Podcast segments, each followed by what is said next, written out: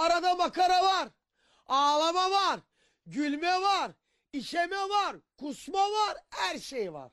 Bugün maalesef yine Ray Malifalitiko, Ray Şalimalitiko bir konumuz yok.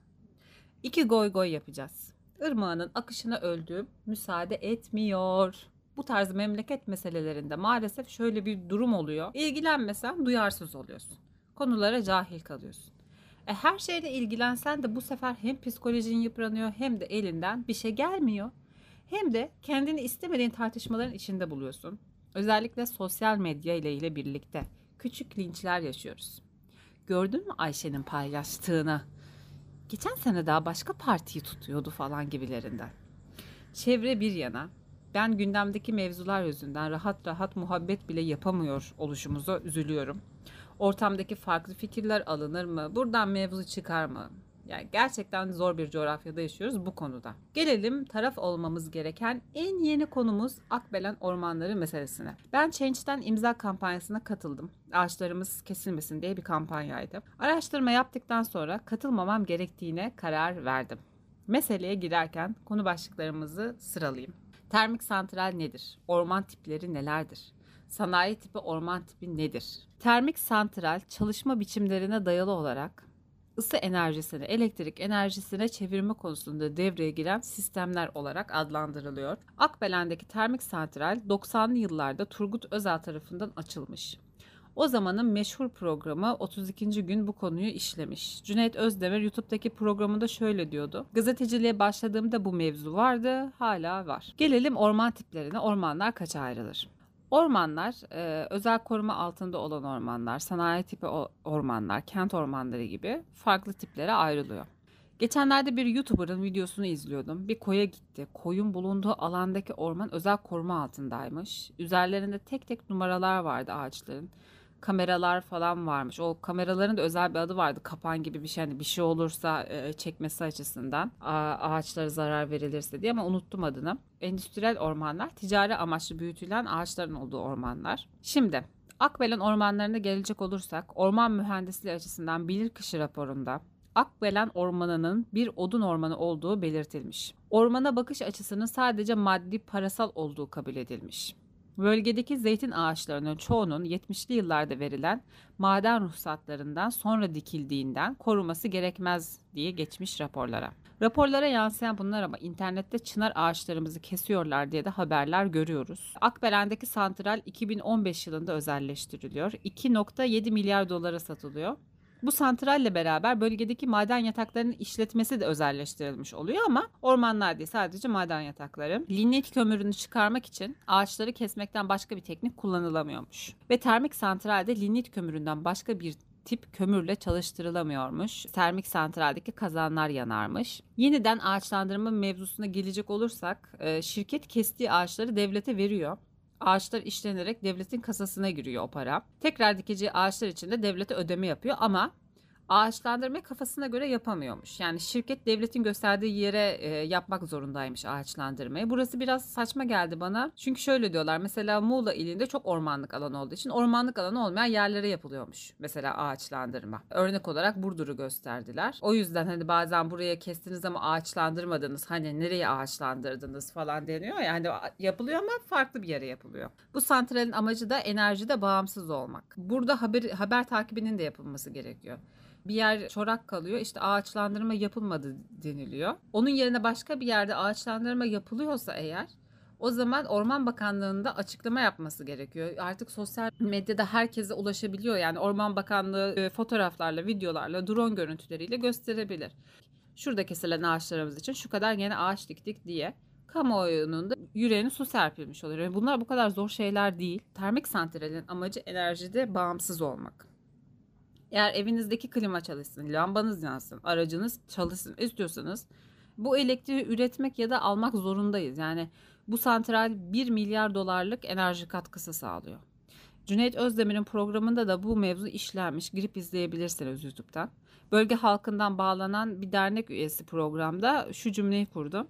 4 e, senelik enerji ihtiyacını sağlamak için çıkarılıyor diyor bu linyit kömürü. Yani 4 senelik enerji ihtiyacı için değer mi deniyor? Ben bu bilgiye başka hiçbir yerde rastlamadım. Ama kar zarar hesabı yapılmıştır diye umuyorum. Biliyorsunuz yaz aylarında maalesef ki orman yangınları yaşıyoruz. 68 bin hektar alanımız yanmış şu ana kadar. Geçen seneki orman yangınlarından bahsediyorum. 52 bin hektarı yeniden yeşillendirilmiş. Tabii yeniden yeşillendirilince de bir anda ormanlık alan olmuyor. Yani orman statüsüne kavuşması için belli bir ekosistemin oluşması için de zaman geçmesi gerekiyor.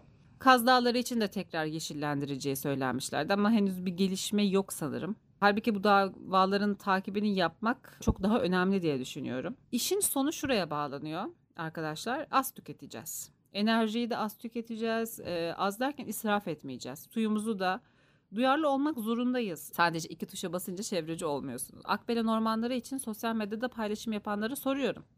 Kaçınız geri dönüşüm yapıyor? Plastik pilleri, atık yağları ayırıyor musunuz? Benim bağlı bulunduğum belediye e, geri dönüşüm konusunda çok zayıf. Özel çabaladım uzun süre. Biriktireceğiniz dönüşümler için her yerde istasyon yok. Belediyenin görevlileri poşet bırakıyor. O poşetlerde biriktiriyorsunuz atıkları. Sonra haftada bir gün belli bir günde gelip alıyorlar o poşetleri. Ama tabii ki sabah erken saatlerde alıyorlar. Ee, kalkıp o saati tutturmanız gerekiyor. Çünkü kaçırırsanız bir hafta daha o 3-5 tane büyük boy poşeti evde tutmak zorundasınız. Ki mümkün olmuyor e, kokuyor, akıyor, koyacak yerin olmuyor. Bana çok zor geldi bu yöntem ve bizim evde çok fazla çıkıyor atık. İstasyonlara gidip bırakayım dedim. E, koca koca poşetleri de istasyonlara taşımak yani çok e, yakınımda değil. Yürüyerek çöpleri taşımak zor geldi. Belediyelerin bakın bu konuda duyarlı olması gerekiyor. Dedim belediyeye söyledim hani e, bu bölgede yapmak isteyenler var geri dönüşüm.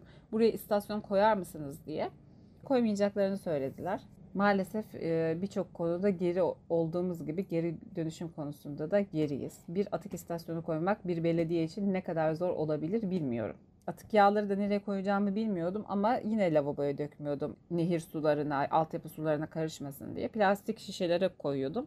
Plastik şişelere atıyordum çöpe. Sonra bağlı bulunduğumuz muhtarlıkta atık yağ toplama yerinin olduğunu öğrendim. Oraya bırakıyorum. Aynı zamanda atık pilleri de siz de öyle yapabilirsiniz. Ee, yani demek istediğim ben doğayı çok seven, hayvanları çok seven, duyarlı olmaya çalışan bir insanım. Asla ama asla bir canlının zarar görmesini istemem.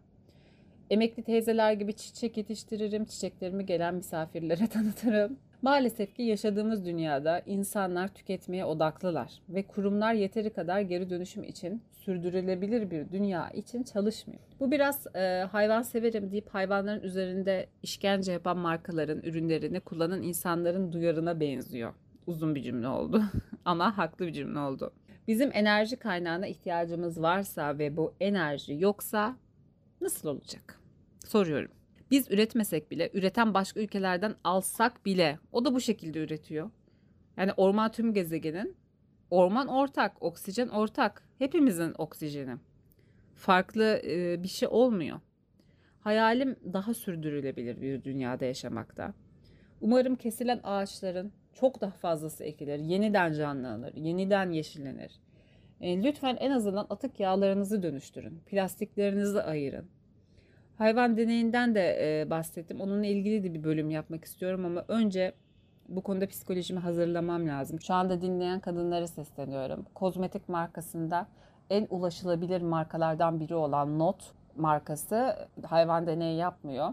Ve bu konu çok e, derin bir konu. Çünkü şöyle, Rocher bildiğiniz gibi hayvan deneyi yapmadığı ve bitkisel vegan bir marka olduğu üzerine tüm PR çalışmasını döndüren bir marka. Biraz araştırdığımda gördüm ki Yves Çin'de satışı olan bir marka. Bu ne demek? Bir markanın Çin'de satış yapabilmesi için hayvan deneyi yapması zorunlu.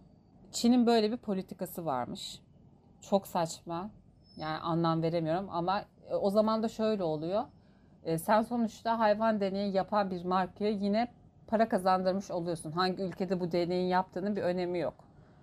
Sonuçta bu deneyi yapıyor. O yüzden gönül rahatlığıyla kullanabileceğim marka araştırmasına girdim. Global sitelerden de baktığımda en ulaşılabilir marka olarak Not'u buldum. Çünkü farklı markalar var ama ya internet üzerinden satışı yapılıyor ya da çok işte ulaşılabilir olmuyor. Dolarla satılıyor mesela. Bir tane ruj alacaksın, bir şey alacaksın. Kargoda onun yurt dışından gelmesini mi bekleyeceksin yani? Ya da çok pahalıya gelebilir. O yüzden e, Not markasını öneriyorum. Konuda da dediğim gibi farklı bir podcast yapmayı düşünüyorum. Yani bugün moral bozucu şeylerden konuştuk. Ama önleyebiliriz bu felaketleri. Dediğim gibi daha sürdürülebilir yaşamaya çalışmamız gerekiyor. Daha minimal olmamız gerekiyor. En azından israf etmememiz gerekiyor. Daha mutlu yarınlarda, daha güzel konularda buluşmak dileğiyle. Kendinize iyi bakın. Hoşçakalın.